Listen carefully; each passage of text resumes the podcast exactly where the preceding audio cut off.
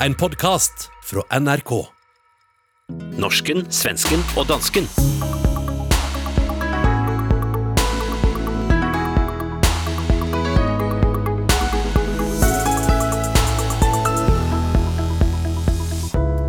Danske politikere kappes nå om å være mest jysk. Hytta er det nærmeste du kommer religion i Norge, hævder Sveriges Radios Norges korrespondent. Og Erna er havna i drømmebeef med en amerikansk superstjerne.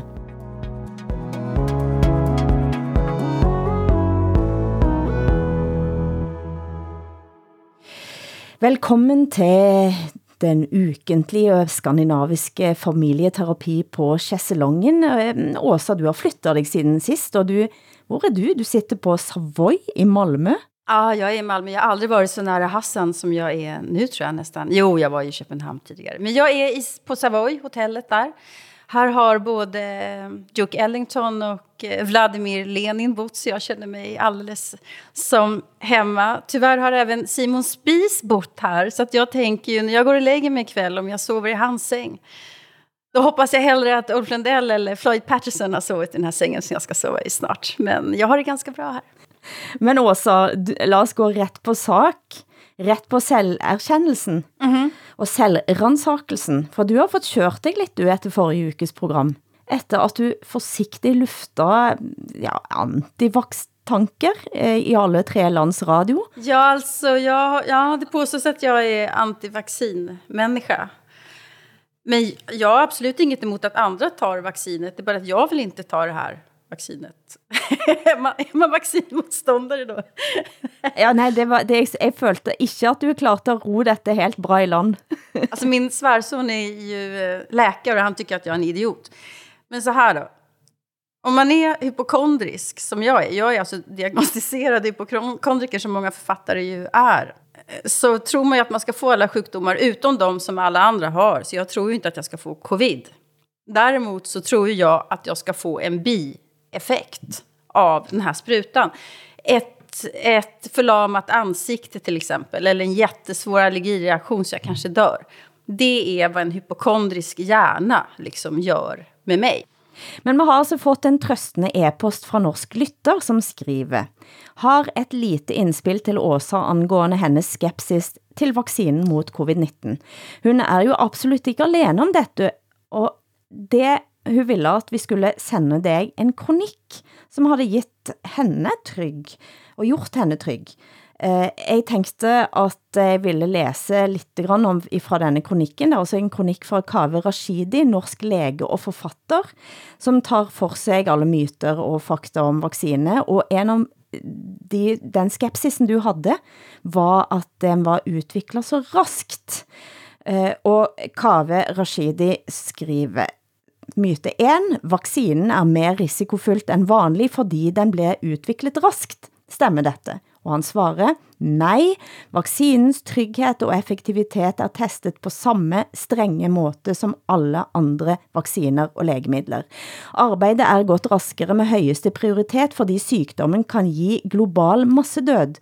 Man burde ikke bli skræmt av rask produktion, men heller skuffet over at lægemidler ellers tar såpass lang tid at producere skriver altså lege og forfatter Kaveh Rashidi.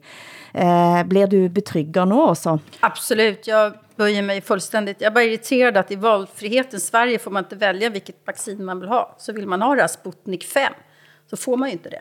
Hvad tænker du, Hassan? Men altså, jeg, det der jo er, jeg bemærker, det er, at du taler jo logik ind i en hjerne, som i forhold til det her er ulogisk indrettet. Fordi når man er hypokonter, så fungerer det jo ikke sådan, at man kan tales til ro af den logik, som virker på alle andre. Jeg kender det jo også, for jeg er også hypokonter. Ikke? Øh, Men jeg vil alligevel sige, at min angst for social udstødelse er mere alvorlig end min hypokondri, og derfor tager jeg øh, vaccinen. Mm. Øh, I Danmark i øvrigt, der har Sundhedsstyrelsen nu udsendt en generel anbefaling til de danske hospitaler om, at de skal holde øje med sådan nogen som OSA, altså anti-vaxxere, øh, som går ind på som går ind på hospitalerne, og så filmer de med deres kamera de tomme øh, øh, hospitalsgange og de tomme hospitalsstuer for at bevise, at der ikke findes noget, der hedder corona overhovedet. Men alltså en sån, sån tossa är ju inte jag. Jag är inte vaccinationsmotståndare. Jag eh, är bekymrad över att det tar så lång tid i Sverige till exempel. Det är bara att just jag vill inte ta Men altså, en, en av de som er bekymret er Leif G.V. Persson, som, vi, som er vår eh, Tomte. huskriminolog, kan en næsten sige, i norsken, svensken og dansken. Og han har skabt overskrifter denne uken, fordi han tror han aldrig kommer til, altså han tror han kommer til at dø av corona, før han rækker at vaccinere sig, med det tempo som sker nu. Og også er du bekymret for uh, din ven Leif? Men Leif har ju pratat om sin dåliga hälsa i 15 år, så jag kan vara bekymrad på andra sätt. Han, vi är ju vänner också. Men eh, ehm, ja, alltså han, tyvärr så gjorde han ju en liten knepig grej här, Leif. För några dagar sedan så då sa han att han hade blivit lovad att få en spruta i förväg av någon kompis. Eller någon, någon privat läkare som skulle sticka till honom det där. Jag blev erbjuden vaccin faktiskt. Vad är det du säger? Och det Berätta. var intressant. Ja, inte utav staten då, för det tar ju sin rundliga tid. Just nu håller man tydligen på att prisförhandla med Pfizer. Men om det är fem eller sex doser man ska betala för. Men efter den där artikeln så har jag blivit kontaktad av privatpraktiserande läkare som säger att det är inget som helst problem. Eh, De kan ge mig det där omgående. Och det är svenska legitimerade läkare och det är tydligen fullt i sin ordning. Men då undrar jag varför man inte har upplyst om det va? Ja, det är märkligt. Vad kostar det då, Leif? Ehm, Ja, det var inte särskilt dyrt heller faktiskt. Det är ganska ovanligt att Leif GW gör någonting som folk reagerar negativt på. Men det gjorde man faktiskt i det här fallet. Varför skulle han gå före för? Och så vidare. Bara för att han har kontakter, bara för att han är känd. Eh, men nu är han ute och vevar igen i alla fall då. Och, och säger att han ska dö om man inte får den här sprutan. Jag tror att hans psyke avspeglar sig väldigt, väldigt många äldre isolerade människor känner just nu. Desperation faktiskt. Og han har været isoleret siden mars i fjor og rapporteret direkte fra sofaen på eh, TV4 på Nyhetsmorgen eh, hele tiden. Eh, Man kan bli eh, urolig av mindre av at tænke at han, man skal sitte inne eh, døgn rundt. Jeg har stor sympati for Leif GV. Men Danmark har, de ønsker at indføre vaccinepass. Og hvad trænger jeg og Åsa for at komme og besøge dig, Hassan? Øh, jamen altså, øh, jeg har ikke nogen forbehold, som skal overvindes. Øh, I er så velkomne begge to til at besøge mig anytime, hvis I vel at mærke har et øh, vaccinepas. Fordi her i Danmark, så følger vi de regler, som myndighederne udstikker. Åbenbart. Men vi har altså glemt at gratulere dig med verdensmesterskabet, Hassan. Åh, oh, det er det, jeg har siddet og ventet på, at vi skulle nå frem til. Grattis Hassan! Jag säger det som svensk, säger det. Grattis! tak. Ja, ni var oövervinneliga var ni. Ja. Ja, Det är så roligt att Danmark kan vinna någonting någon gång. Jag tycker det är fantastiskt. Varför inte just handboll då? Det kan vi bjussa på.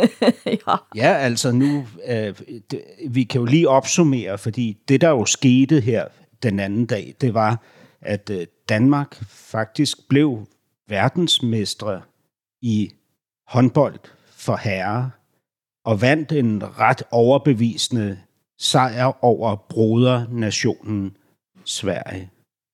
Bemærkede I, at øh, før kampen, så var Øresundsbroen var belyst med øh, gule og blå farver i, ved den ene pille, og røde og hvide farver ved den anden. Ja, det är flott, det är som det ska vara. Ja, det er vakkert. Ja, og ved slutningen ja. af kampen, så var begge piller røde og hvide. Men alltså, hör, hör, våra lyssnare att Hassan nästan gråter på rösten. Det är med darr på stämman som han berättar om detta. Och det är så fint, Hassan. Det är så... Ja, jeg har faktisk aldrig øh, nogensinde interesseret mig øh, en døjt for håndbold, men, øh, men pludselig så nyder jeg den her sejr helt ekstremt. Jeg har jo, jeg har jo vundet det, der hedder håneretten, Va? øh, som vi Ah. taler meget om i er det for Danmark. noget? Altså at nu, Og hvad er det? altså at håne, øh, kender I At ordet? håne? håne. Ja. Ja. Ja. Altså retten til at håne. Har du, har øh, du vunnit det priset? Ja, den har vi jo vundet over Sverige. Ikke? Så, Ah, Ja. sån ja. Ja, ja, ja, ja, ja. Oj, ja. vi är inte såna i Sverige alls. nej, nej. Vi är en moralisk stormakt, vi har ingen humor. Men altså, jeg, jeg må jo indrømme, altså, som nordmann som spilte sig væk eh, ganske tidlig, eh, eller ikke så tidlig, men lidt tidlig i dette mesterskabet, Ganske tidligt. eh, så har det været en, ganske tidlig. Så var det en påfallende forskel på hvordan statsministerne deres forholdt sig i opkøringen. Mette Fredriksen tæppela Facebook-siden, mens Stefan Löfven knapt nævnte håndball-VM. Han vælger da altså samtidig at trække frem en kvinde, som bidrog til allmän stemmeret, omtrent da denne finalen gik. Jo, men hör, Si- ja, hör här va. Alltså, svenska Socialdemokraterna hade en partiledare som hette Håkan Juholt en gång. Han var väldigt trigger-happy på sociala medier. Han gick ut på helger och kvällar och la ut långa saker som, som var en katastrof för partiet. Jag tror att de som sköter svenska Socialdemokraternas mediestrategi, de säger vad som helst, Stefan Löfven, men du får absolut inte göra som Håkan Juholt. Du får inte lägga dig i badkaret en fredagkväll och dricka en flaska vin och sen gå ut på Facebook. Skriv någonting om sossarnas ärorika historia istället, för det kan aldrig bli fel. Det kan aldrig bli fel. Så så tror jag att det har gått till. Altså, jeg, jeg forsøgte faktisk som forberedelse til programmet i dag at læse din statsministers øh, opdatering på Facebook, Åsa, Min stats- i ja, ja, går mm. aftes. Ja, men, men jeg faldt i søvn på sofaen undervejs. Ja, den var lång som ett ösregn var den. Ja. Men altså, Mette Fredriksen var glad. Ja, Mette Frederiksen har hoppet og danset på Facebook, og, og, og øh, tilfældigvis var der nogen til stede, som optog det på video, og hun kunne så ah, efterfølgende lægge flaks. det op på sine øh, øh, øh, hvad, sociale medieprofiler.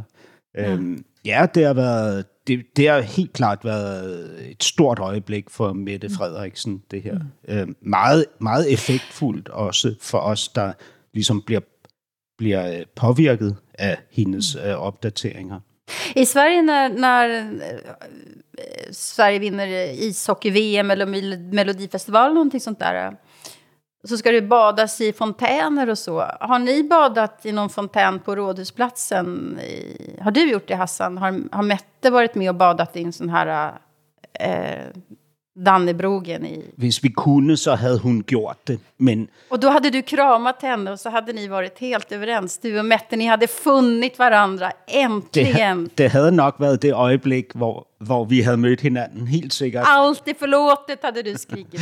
Men faktisk så kiggede jeg op på himlen her øh, i øh, timerne efter håndboldfinalen, fordi der ankom et fly, et, øh, altså en flyvemaskine, øh, øh, til norske lytter, øh, et apparat med vinger, øh, øh, som, som, øh, som blev fuldt af to F-16-fly.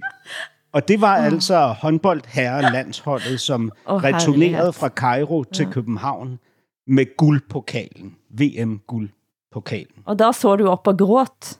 Jeg stod her på Nørrebrogade og græd.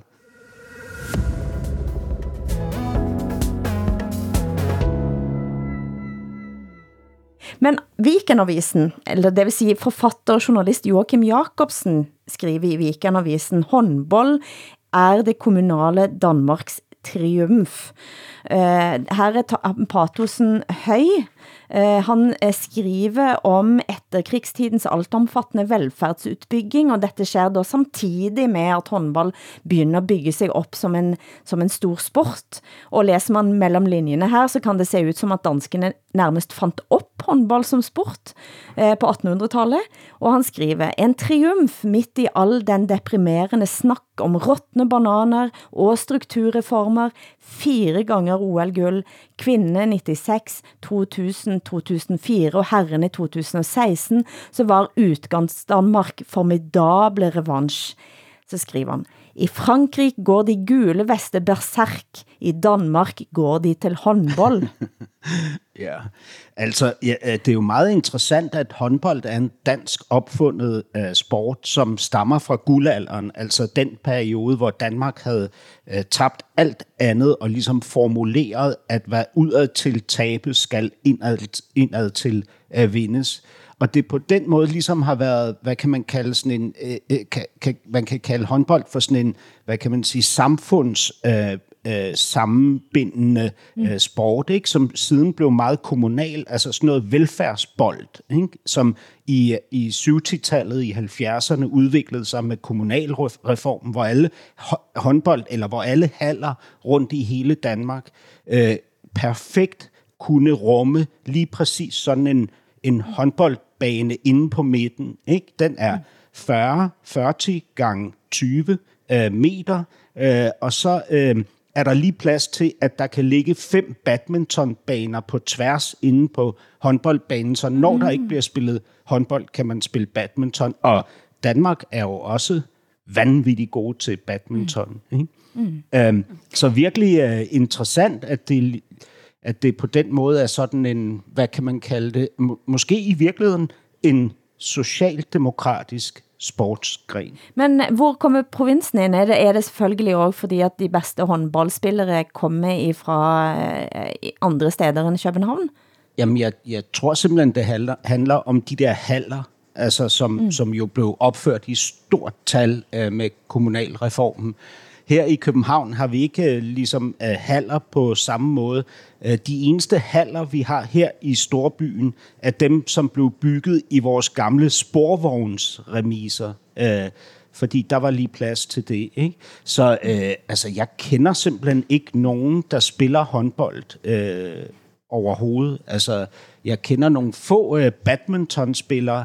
Uh, dem mm. prøver jeg at undgå. Um, ellers så, så spiller vi jo fodbold. Ikke? Altså, uh, os der er her uh, i København. Men altså, hvis håndbold er provinsens triumf, og da snakker vi om utkants Danmark, altså den norske bygda, eller den svenske glesbygden, det er begyndt at bli en stor hit i dansk debatt. Forrige uke så var det en stor sak i Vikenavisen og med overskriften Gjør provinsen stor igen, som en referensen til MAGA, Make America Great Again, hvor vi kan læse. Mens det borgerlige Danmark gisper efter været og diskuterer egne eksistentielle problemer, er den socialdemokratiske regering i gang med at utrulle en plan, der skal erobre nyt politisk land langt inde i det, der tidligere var blot domæne. Og det er altså provinsen, og du bor midt i tykkeste København. Ser du noget af denne tendensen rundt dig, Hassan? Ja, helt klart, men det her det er, jo en, det, er jo, det er jo en forholdsvis gammel tendens, fordi det var jo faktisk, øh, hvis man skal være retfærdig, Dansk Folkeparti, der ligesom øh, promoverede hele det her projekt om, at øh, man skulle tale det, man, det vi øh, helst ikke skal kalde udkanten længere mm. op øh, og tale storbyen ned. Ikke? Men det er rigtigt, det har jo traditionelt set været et Venstre-projekt, fordi Venstre traditionelt set er et landbrugsparti. Mm. Øh, men i, i dag er det så absolut øh, Socialdemokratiet, der har øh, overtaget den her agenda på så mange forskellige niveauer. Altså for eksempel så er vores øh, boligminister Kåre Dybvad også forfatter til to øh, bøger. Den ene hedder Udkantsmyten, og den anden hedder De lærtes tyranni. Og man kan jo godt høre ud fra de her øh, titler, hvad projektet handler om. Ikke? Altså, det er jo noget med at tage et opgør med myten om, at fremtiden tilhører de store byer, og at resten af landet er fortabt. Og mm. i De lærtes tyranni gør, øh, gør op med, at, øh, at der har i Danmark hersket en idé om, at storbyen ligesom repræsenterede øh, det fineste, og det der dermed skulle have magten. Mm. Det er et lite bakteppe her også, for da Dansk Folkeparti pludselig gjorde det så veldig mye bedre, da eh, Lars Løkke Rasmussen kom eh, til magten som statsminister, eh, så tog han også en, et drøj vending, når han flyttede 3900 arbejdspladser ut av København, til stor irritation for folk i, fra København. Men, eh, men eh, Kåre Dybvad, som du nævner her nå, han er og nå blitt indenriksminister. Eh, og det kan se ut som at Socialdemokraterne kupper tidligere venstrepolitik, som du siger. De har taget indvandringspolitikken fra Dansk Folkeparti, nå vil de knabbe provinspolitikken til Venstre, men der, selv der greier ikke Venstre nå at blive enige om, hvem som er mest jysk, altså fra Jylland. Inger Støjberg, som vi har snakket om eh, flere gange, har forsøgt at profilere sig som den mest jyske i venstreledelsen, og det får en anden venstrepolitiker, Irene Simonsen, til at reagere og høre her. Jeg er jo faktisk en gammel bundekone fra Jylland. Du har sågar været på min gård engang. Ja. Ja. Men, men prøv lige at høre, det er jo en udskamning. Ja. Inger, hun har været i gang med. Det, der provokerede mig den anden dag, det var at sige, der var forskel på dem fra Jylland og fra København. Ligesom Ellemann repræsenterer København, og Inger, hun repræsenterer Jylland. Sikkert noget forbandet sludder. Vi er 6 millioner mennesker i dette her land. Et lille bitte land. Og hvis ikke vi kan finde ud af et fællesskab, men kun kan klare os på udskamning, så er der altså ved at være noget galt. Ja, altså, ja, det er jo en smuk udtalelse, og det er, jo, øh, det er jo sådan, det bør være. Det er jo helt sikkert. Altså, jeg, jeg elsker Jylland. Jeg opdagede først Jylland, da jeg blev voksen. Jeg har rejst øh, i udlandet primært som ung, så det var øh, en helt ny øh, erfaring for mig at, øh, at lære Jylland og jyder at kende. Og jeg, altså, jeg er virkelig, virkelig begejstret og håber på, at, øh, at jeg i fremtiden vil holde mange flere, øh, øh, have mange flere rejser til, til Jylland. Jeg synes, det er et, øh, en super fed landsdel. Uh, nu kan du høre, Hilde, at jeg uh, udtaler mig ligesom alle andre uh, uh, alle, alle andre københavnere. ja, jeg, jeg læfler for Jylland, fordi det giver jo uh, ja. succes. Ikke? Så, ja. Så det gør jeg. Noget andet er, at man skal jo også, altså udover at man skal uh, læne sig op af det jyske, så skal man også snoppe nedad, og det er jo også noget... Uh, Mette Frederiksen er blevet uh, mega god til på mm. Facebook. Altså uh, forleden lagde hun et billede op af en øh, makralmad. Øh, en makralmad med mayo og agurk. Og en makralmad, det er sådan et meget dansk øh, fænomen. Det er sådan lidt lavkultur at, at spise øh, dåse makrel i tomat. Makrel i tomat. Ja. Mak makrill i tomat. Alltså jag tror vi måste berätta för svenska lyssnare vad som betyder att man är så, så jysk som möjligt. Alltså, på Jylland anses så kallat vanligt folk bo, eller hur? Det är, det är inte medialiten, det är inte kultureliten, det är inte etablissemanget, utan det är mer vanligt folk. Ja, bortsett fra Ål, Ålborg og i Århus er for så vidt både universitetsbyer og alt muligt. Ja, just det. Men, men ni, måste för, ni måste förklara för svenska lyssnare vad man lägger i det här begreppet. Nej, nej, men du har ju rätt, øh, Åsa. Det är ju... För att annars fattar inte svenskar någonting. Men, men jag tycker att det här är intressant, för att i Sverige nu så finns det ett väldigt stort behov av hos att säga att jag tillhör vanligt folk. Och det gör inte, politiker gör inte det, men det, liksom det är ett begrepp som börjar finnas. Och just nu på Sveriges Radio så finns det en, en radioserie på sex avsnitt av en journalist som heter Mia Blomgren. Den är fantastisk och den heter Vanligt folk. Och hon har helt enkelt pratat med sådana som menar att de är vanligt folk. Och bland annat så är det det att vanligt folk ser inte ner på, på kroppsarbetare, man, ser, man, man, är inte, man är inte mallig liksom för att man har läst på universitet. Men också att vanligt folk bor på landsbygden väldigt ofta. Och de kan umgås oavsett vilket parti de röstar på. Därför att man måste samarbeta.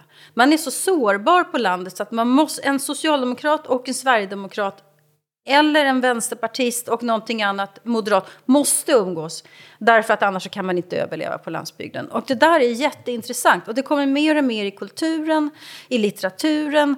Eh, så är det landsbygden som, som skildras. Så att det är landsbygdens återkomst åtminstone i kulturen i Sverige. Sen är politiken det är inte riktigt än.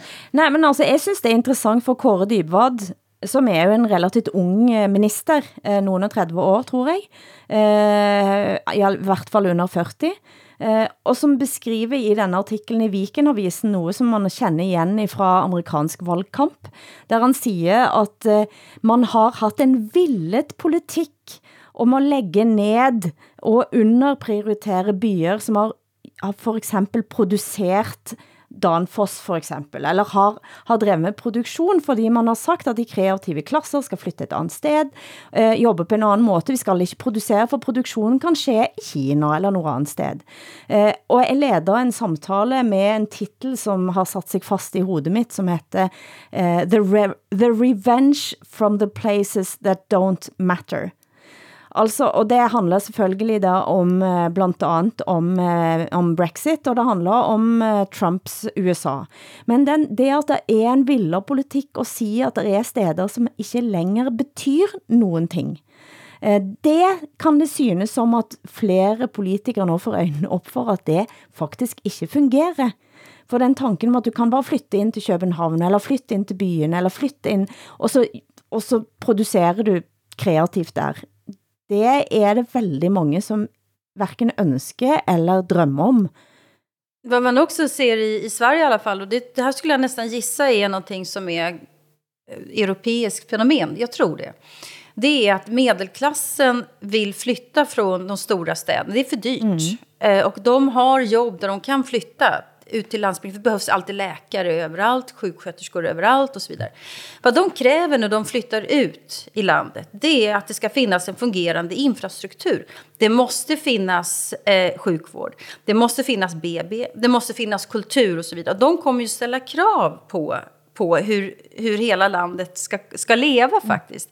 Och där har inte politikerna hängt med riktigt. Mm. Men det är ju en rörelse från alltså från det urbana ut på landet. Man tänker också att det är bättre för barnen och så mm. vidare. Medan arbetarklassen har lite svårare att välja. Arbetarklassen i storstäderna har lite svårare att välja. Faktiskt, de måste bo kvar för att det är där jobben finns för dem i tjänstesektorn och restaurangsektorn och sådär. Mm. Når nu vi ligesom ser, at der er så mange øh, politikere, enkeltpolitikere og partier, der fokuserer på den her dagsorden i Danmark, øh, så, så må man jo sige, at den façon Mette Frederiksen har øh, fået konstrueret, øh, som jo også sikkert læner sig op af noget øh, virkeligt fra hendes liv, er ekstremt effektfuld og effektiv. Mm. Ikke? Og folk, øh, folk føler sig virkelig talt til i øjenhøjde, når hun poster det her billede af sin øh, mm. makrelmad. Ikke? Øh, men, men på en eller anden måde, så frustrerer det her projekt mig, fordi det jo er med til at skabe en ny splittelse, og vi har jo set, hvad de der narrativer kan føre til af nationale konflikter. Ikke? Og det, det synes jeg er vanvittigt alvorligt. Altså, urbaniseringen var ikke et fløj- eller partipolitisk projekt. Det var en generel bevægelse i samfundet. Og derfor kan man heller ikke patentere opgøret med urbaniseringen. Det burde også være et fælles projekt. Og selvfølgelig burde alle partier alle, og begge fløje være interesseret i, at der er en jævn fordeling af opmærksomhed og ressourcer til både, øh, øh, hvis vi skal skære det helt firkantet op, Jylland og København. Mm. Absolut, jeg holder helt med. Altså, jeg, jeg er jo en klassisk nordmand på den måten. Født og opvokset i en pitteliten bygd med 600 indbyggere, som flyttede, da jeg var 16, til en lidt større by for at gå på videregående, eller gymnasiet, og som flytter til, til nå næst største byen eh, i, i landet, og jeg vil jo aldrig, jeg har ingen lyst til at flytte tilbage, men jeg har alligevel en enorm stor respekt for norsk distriktspolitik, eh, som på mange måter spiller mye mer ind i de bevægelser, man ser nå i verden. Eh, og, og, og det nå at tilbudene, som har gjort byen rik i coronatiden, tas ifra oss, gør at jeg tror, at stadig flere vil da tænke, hvis ikke byen kan tilby det, som er, altså som er virkelig byessens, så kan man like godt flytte et sted og ha stor hus og stor hage, eh, og eh, nære bånd til de folkene en har rundt sig. Og jeg lurer virkelig på om denne mentale ændringen, som på en eller anden måde har været i kim længe, kommer til at eh, skyte mer fart på grund av corona, eller om vi kommer til at vende tilbage øh, raskt den dagen vi har, har mulighed. Jag tror att, eh, att landsbygden vinner på coronapandemin eh, i den meningen att många faktiskt förstår att de, de behöver inte jobba i, i storstäderna därför att ah, man har arbetsgivare plötsligt som säger att du kan faktiskt jobba på distans. Samtidigt som, så øh, må jeg sige, at når jeg ser på København, så er der jo en enorm ekspansion af boligmassen, øh, som går på sig i denne her tid. Ikke? Altså, der bliver simpelthen bygget nye bydele ude i vandet, som skal huse øh, øh, boliger til de næste generationer. Ikke? Og det er, det er altså det, det ligner boliger, som øh, man skal have ressourcer for at kunne købe. Ikke? Mm. Så der er jo også en middelklasse, som øh, viser, at de gerne vil blive boende her i storbyen. Definitivt. Samma sak i Stockholm. Mm. Uh, jeg, jeg har læst mye svensk krim i det sidste, uh, og ser at næsten alt som blir lagt nå, skrevet nå, sikkert ikke alt, for det blir skrevet over 230 svenske krimbøker hvert år. Det er chockerende højt tal. Men uh, det er så mye som er fra bygda, Altså Tove Alsterdal, ny serie fra Ådalen. Stina Jackson eh, skrev, skriver fra Nord. Silvervegen var en av de sidste. Silla og Rolf Børlin fra Arjeplog. Eh, det er altså langt ut i de svenske skoger og ut i områder som har varit avfolket fryktelig länge. Ja, och även den kvalitativa litteraturen utspelar sig utanför Stockholm. Eh, Karin Smirnov till exempel, som har vunnit flera priser, Augustpriset, eh, utspelar sig i Norrland.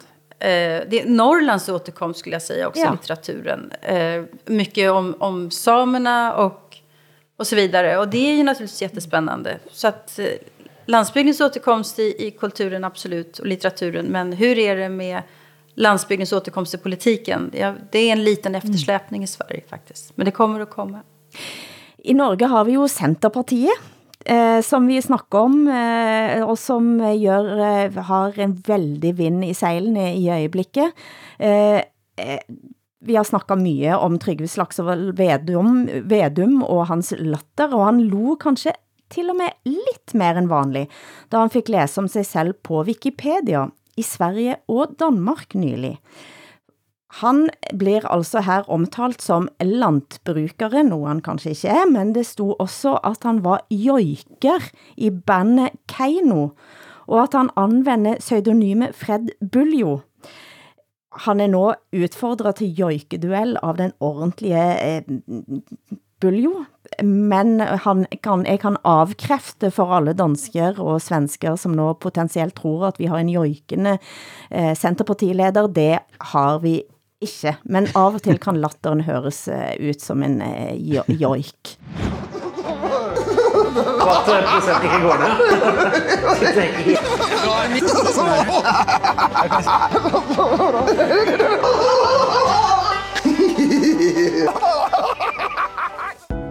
Du hører norsken, svensken og dansken. Programmet blir sendt i Danmarks Radio, Sveriges Radio og Norsk Rikskringkasting.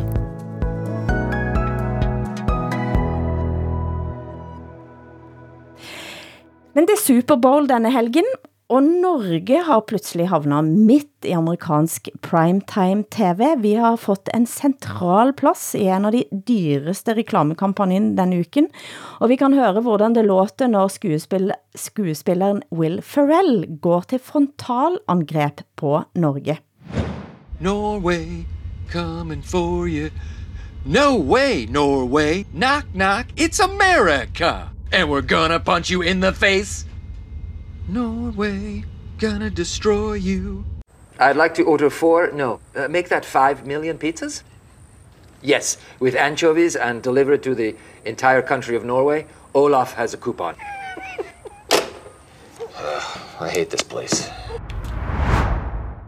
Og den muligheten til international opmærksomhed har ikke vår statsminister Erna Solberg ladt gå fra sig. Og hun svarer i en sommervideo på Twitter, Well, thanks for lunch, Will Ferrell. I do like pizza, but really anchovies. Could we have pineapples instead? And make it for 5.4 million. Det fik mig også til at tænke på kronik av tv-komiker Markus Gaupås Johansen om politikere som agere som komikere. Er det et problem, at politikere er morsomme? Det, det, det er jo virkelig morsomt, at Erna Solberg foretrækker en ananaspizza frem for en ansionspizza. Ja, det undrer jeg også. Ansions, altså, det, det er jo komik. Altså, Ja, det är komik. Jag håller med. Så det er dermed altså humor blitt eh, et magtspråk. Hvad, men, men Hilde, hvad, hvad, hvorfor, øh, hvad er det, han har på Norge? Ved, ved vi det? Will Ferrell? Dette er altså eh, en eh, reklame, som spiller på det faktum, at Norge er det mest elbiltette landet i verden. Eh, og General Motors har da en elbilkampagne, men det er jo en gammelbiltypen som drives gjøn med her, at eh, han skal som straff for alle disse elbilene vi har sende oss ansjospizza. Men altså, øh, ja, men det er jo, eh, hvad hedder det, humor og politik, der var... Øh, jeg- har læst en, øh, en længere artikel i det magasin, vi har her i øh, Danmark, som hedder Zetland. Den er skrevet af Torben Sangil. Det er en analyse af et, øh, et universitetsprojekt, eller en øh, opgave, som, øh, som handler, netop handler om politik og humor. Øh, og, og det er altså en forsker, Ida Fabricius Brun, som har skrevet om danske folketingspolitikers brug af humor på de sociale medier. Og det viser sig, at politikerne bruger øh, kun humor i 6% af deres opslag, og det er helt klart en bestemt type politiker, der anvender sig af humoren mere end en anden type. Det er faktisk de højreorienterede, altså de borgerlige politikere, som bruger humor øh, meget mere end venstrefløjen. Øhm, I forbindelse med det, der var der så en dansk komiker, Lars Hjortøj, som gav udtryk for, at han faktisk har en reel bekymring for, at øh, komikerne vil finde politiske løsninger, og politikerne skal være morsomme, Ja. i stedet for at fordele evnerne og rollerne mellem sig i forhold til, hvad de har talent for. Nej, men det var vel kanskje det Markus Gaupås og var, Gaupås Johansen var inne, innom, altså at uh, han skriver en sketch, en, en vits, uken etterpå så ser han at politikerne han prøver at drive gjøn med bruger samme vitsen. Men jag förstår inte hur han kan bli arg över det. Alltså då, om han blir arg över att, eller sint över att politikerna är, har humor så måste han känna sig hotad att han i så fall inte är lika kul eller morsom som dem. Eller han måste ju ha ett problem då om han tycker att politiker inte får ha humor. Jag skulle säga att det är viktigt. Och i Sverige så kan jag inte tänka, jag kan inte, kan inte komma på en enda partiledare som har någon humor överhuvudtaget. Och om de skämtar så är det inrepeterade skämt, eh, jokes, som inte blir så morsomt helt enkelt, så roliga. Och det, här, det är för att i Sverige vågar inte någon politiker vara spontan. Alltså en riktigt intelligent humor, den är ju spontan. Den är ju stunden. Och det vågar inga politiker i Sverige vara. Därför att man kan trampa snett och sociala medier kommer och hetsar ihjäl en och sen så är man typ död. Eh, och därför så, så är man väldigt, väldigt allvarlig hela tiden. Men altså, Men jag skulle ju önska att svenska politiker hade humor. Vil du det? Ja. Ja, det skulle jag verkligen vilja. Det visar att de är människor och att man, kan, att man- får större tillit till människor som har humor. Och det är ganska viktigt att vi känner tillit till politiker just nu faktiskt, skulle jag säga, när, när demokratin liksom är så porös som den är. men altså, jeg får jo også sympati for Erna Solberg, når hun kommer t- trippende med, med denne eh, ananaspizzaen. Det är otroligt folkligt med ananaspizza. Det er veld, veldig Ja, folkelig. det er skikkelig. Det er kanskje makrell, makrell i tomat for Erna Solberg. Ja, det. Ans- ananaspizza. Men altså, vi la, la oss holde oss i det politiske lende. Det er en sak jeg, jeg sliter faktisk med at ta alvorlig også. Eh, en retssak i gang i Sverige med en politiker, Ebba Busch Thor, eh, eh, Kristdemokraternes leder. Ja, ja, det är en väldigt originell sak. Men alltså Kristdemokraternas partiledare, hon är... För norska och danska lyssnare ska jag säga att hon är ung, hon är blond, hon har ett enormt självförtroende, hon är alltid glad. Hon är nyskild tvåbarns mamma och hon har köpt ett hus av en man som heter Einar och är 81 år gammal. Och det här huset är ganska gammalt, eh, men det ligger väldigt fint till. Och eh, nu så hävdar då Einars brors son och en kvinna till som är granne här på den här vägen att den här Einar inte visste vad han gjorde när han sålde det här huset och att han egentligen inte är riktigt faktiskt, han är, han är gammal för att förstå vad han har gjort.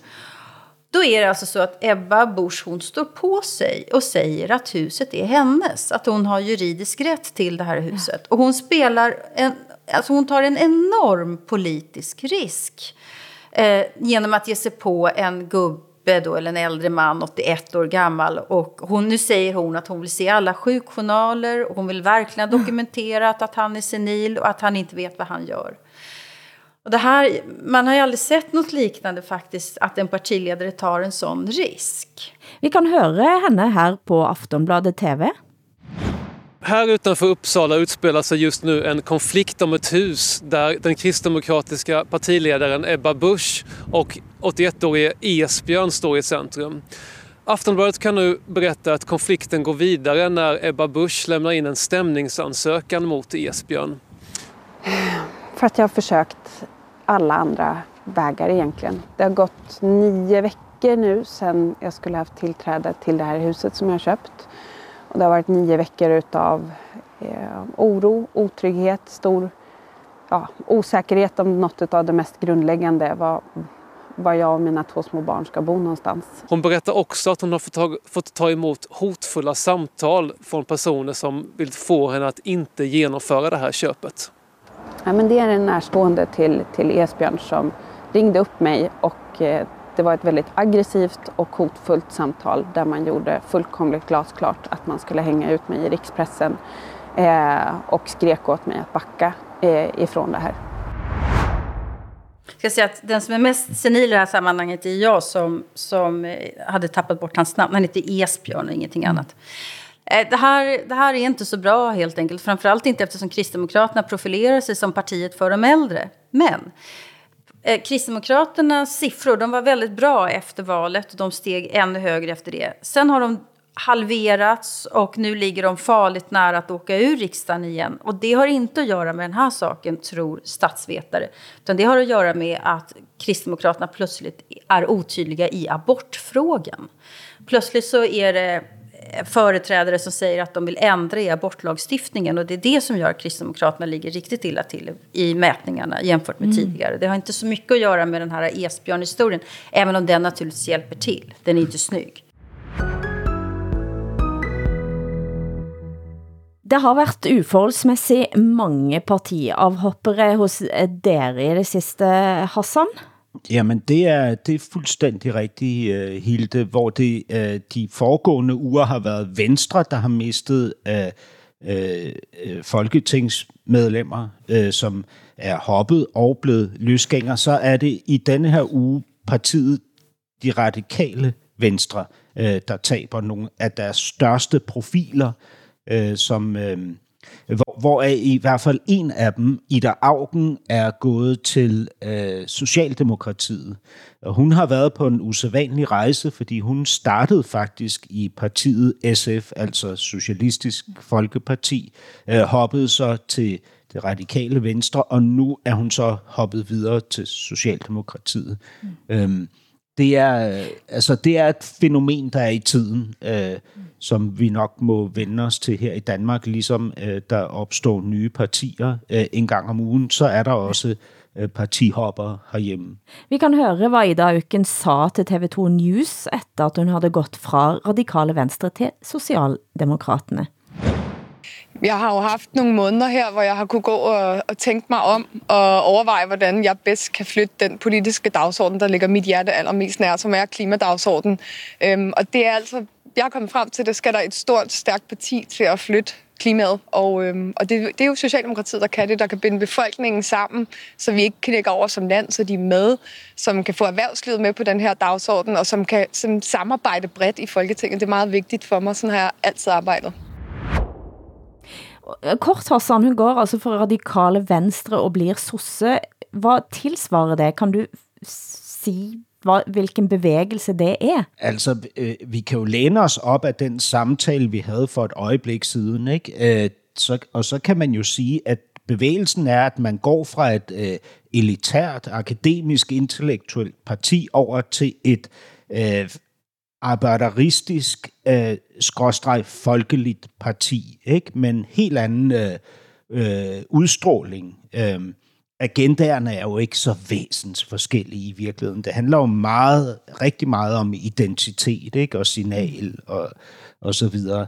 Øh, og, og efter min overbevisning også om magt. Altså, hvem er stærkest for tiden? Altså, det går virkelig ikke godt for det radikale venstre. Altså, hele narrativet om, at, øh, at det er væsentligt at have en elite, er jo skudt øh, i sænk, ikke? Og det er det folkelige og det brede, der ligesom er populært for tiden, ikke? Og det er jo der, man ligesom skal hen, hvis man har øh, karriereambitioner. Ida Augen har tidligere været minister, må ikke hun rigtig godt kunne tænke sig at blive det igen?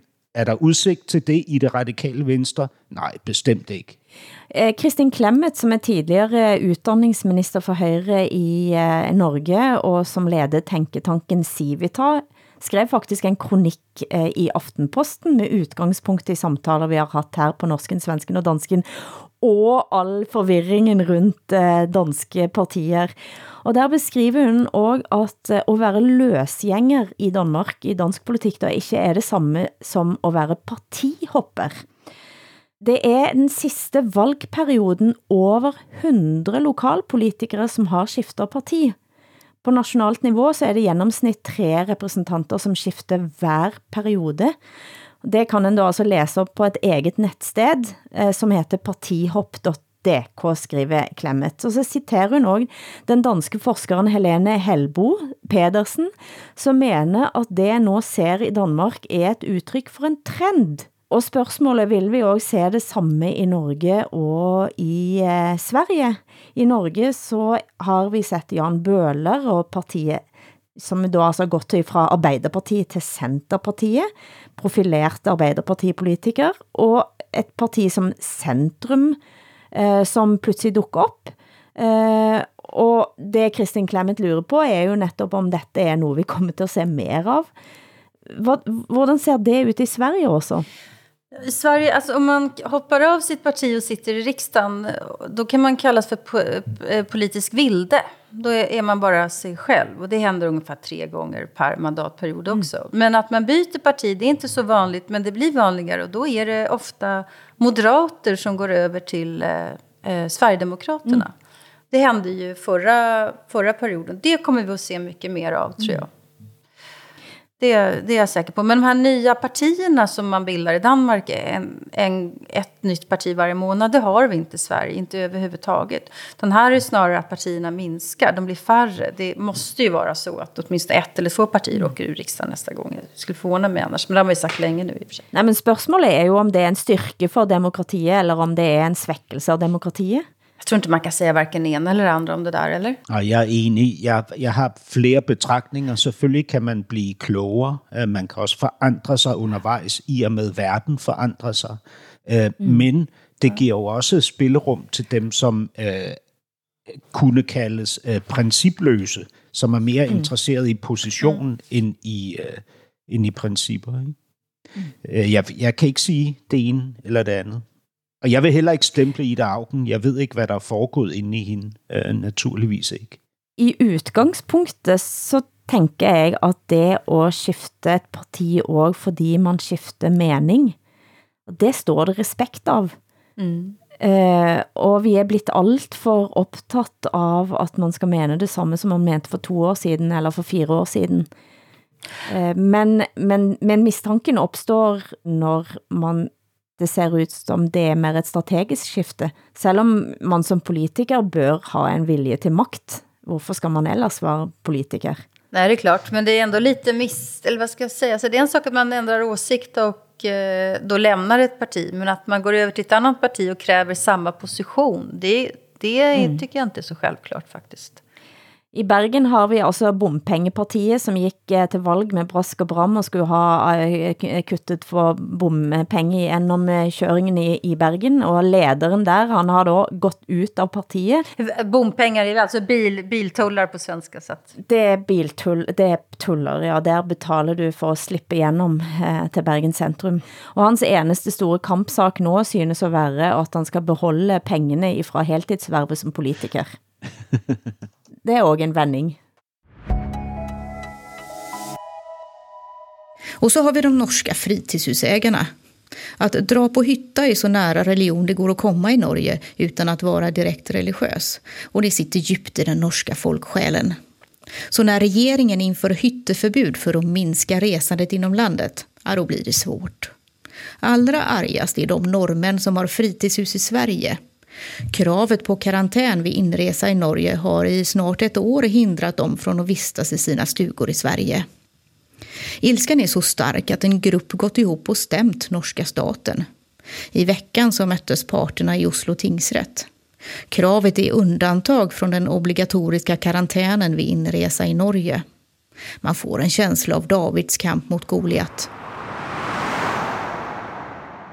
Det er flere tusen nordmænd med fritidshus i Sverige, som har gått sammen og stemt, altså eh, tatt, dratt den norske staten for retten, for at de ikke kan nytte sin egen egendom, siger Sveriges Radio.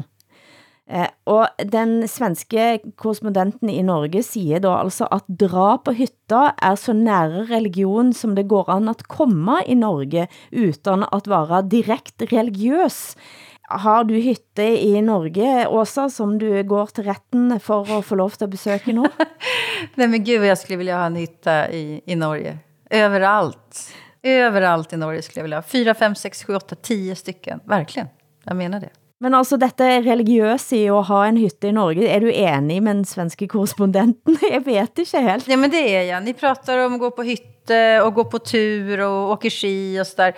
Vi har ju allt det där i Sverige, men, men för er är det, är det mer en religion. Det vågar jag nog säga faktiskt. Och jag tycker det är mysigt. Lite småborgerligt, lite folkligt, lite sådär. Nationalistiskt, lite allt i ett. Hassan.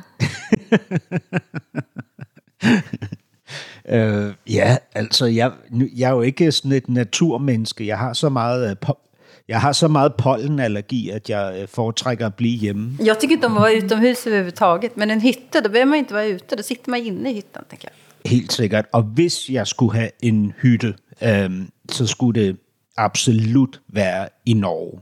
Øh, det er der ingen tvivl om. Mm. Denne sendingen har været via distriktene, glesbygden, eh, bygda og provinsen. Eh, radioprogrammet Bakklok, som går hver lørdag på DR, som opsummerer, analyserer og harcelerer med ukens nyheter, så sig altså forrige helg lei på jyderiet i Venstre. De lagde en parodi, som skulle vise, hvordan det ville låte, hvis en københavner havde snakket på samme nedlatende måte, som jydene gør i storbyen. Jeg er vokset op med mine håndsyede kalveskinsmogasiner solidt plantet på den nordsjællandske egetræsparket.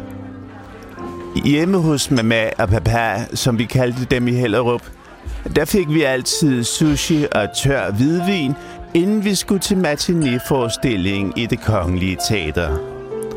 Og som mamma altid sagde, det er her i det kongelige, at de rigtige mennesker kommer. Jeg synes, at afstanden fra København til Jylland er blevet meget, meget stor. Og gudskelov for det. Altså ikke, at jeg sådan omgås jyder med alle deres drømmekager og sikkerhedssko og underklassemanerer. Men altså afstanden til Jylland. Hver gang jeg flyver hen over Jylland, når jeg skal en lille sviptur til New York, ja, så tænker jeg, Gud, der sker sgu da ikke noget som helst i Jylland.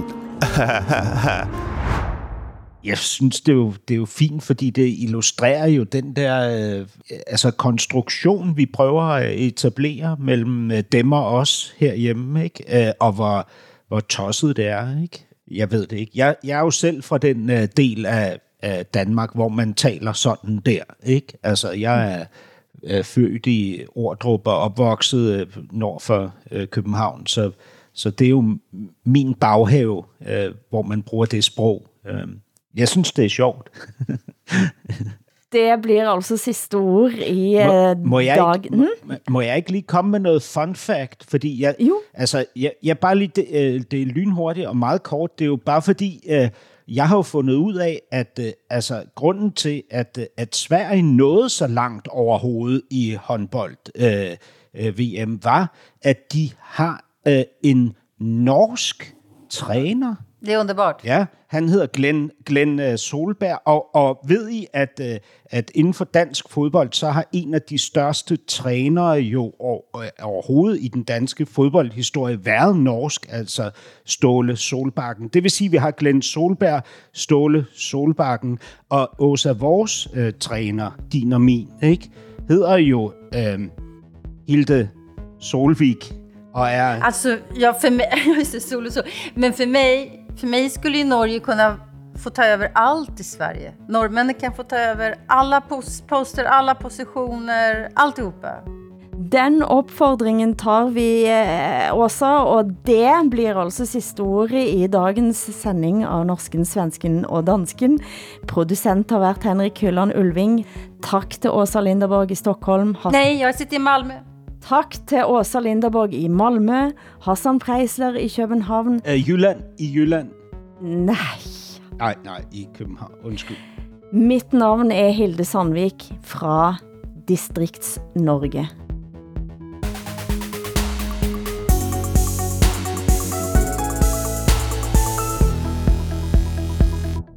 Du har hørt en podcast fra NRK. Hør flere podkaster og din favorittkanal i appen NRK Radio.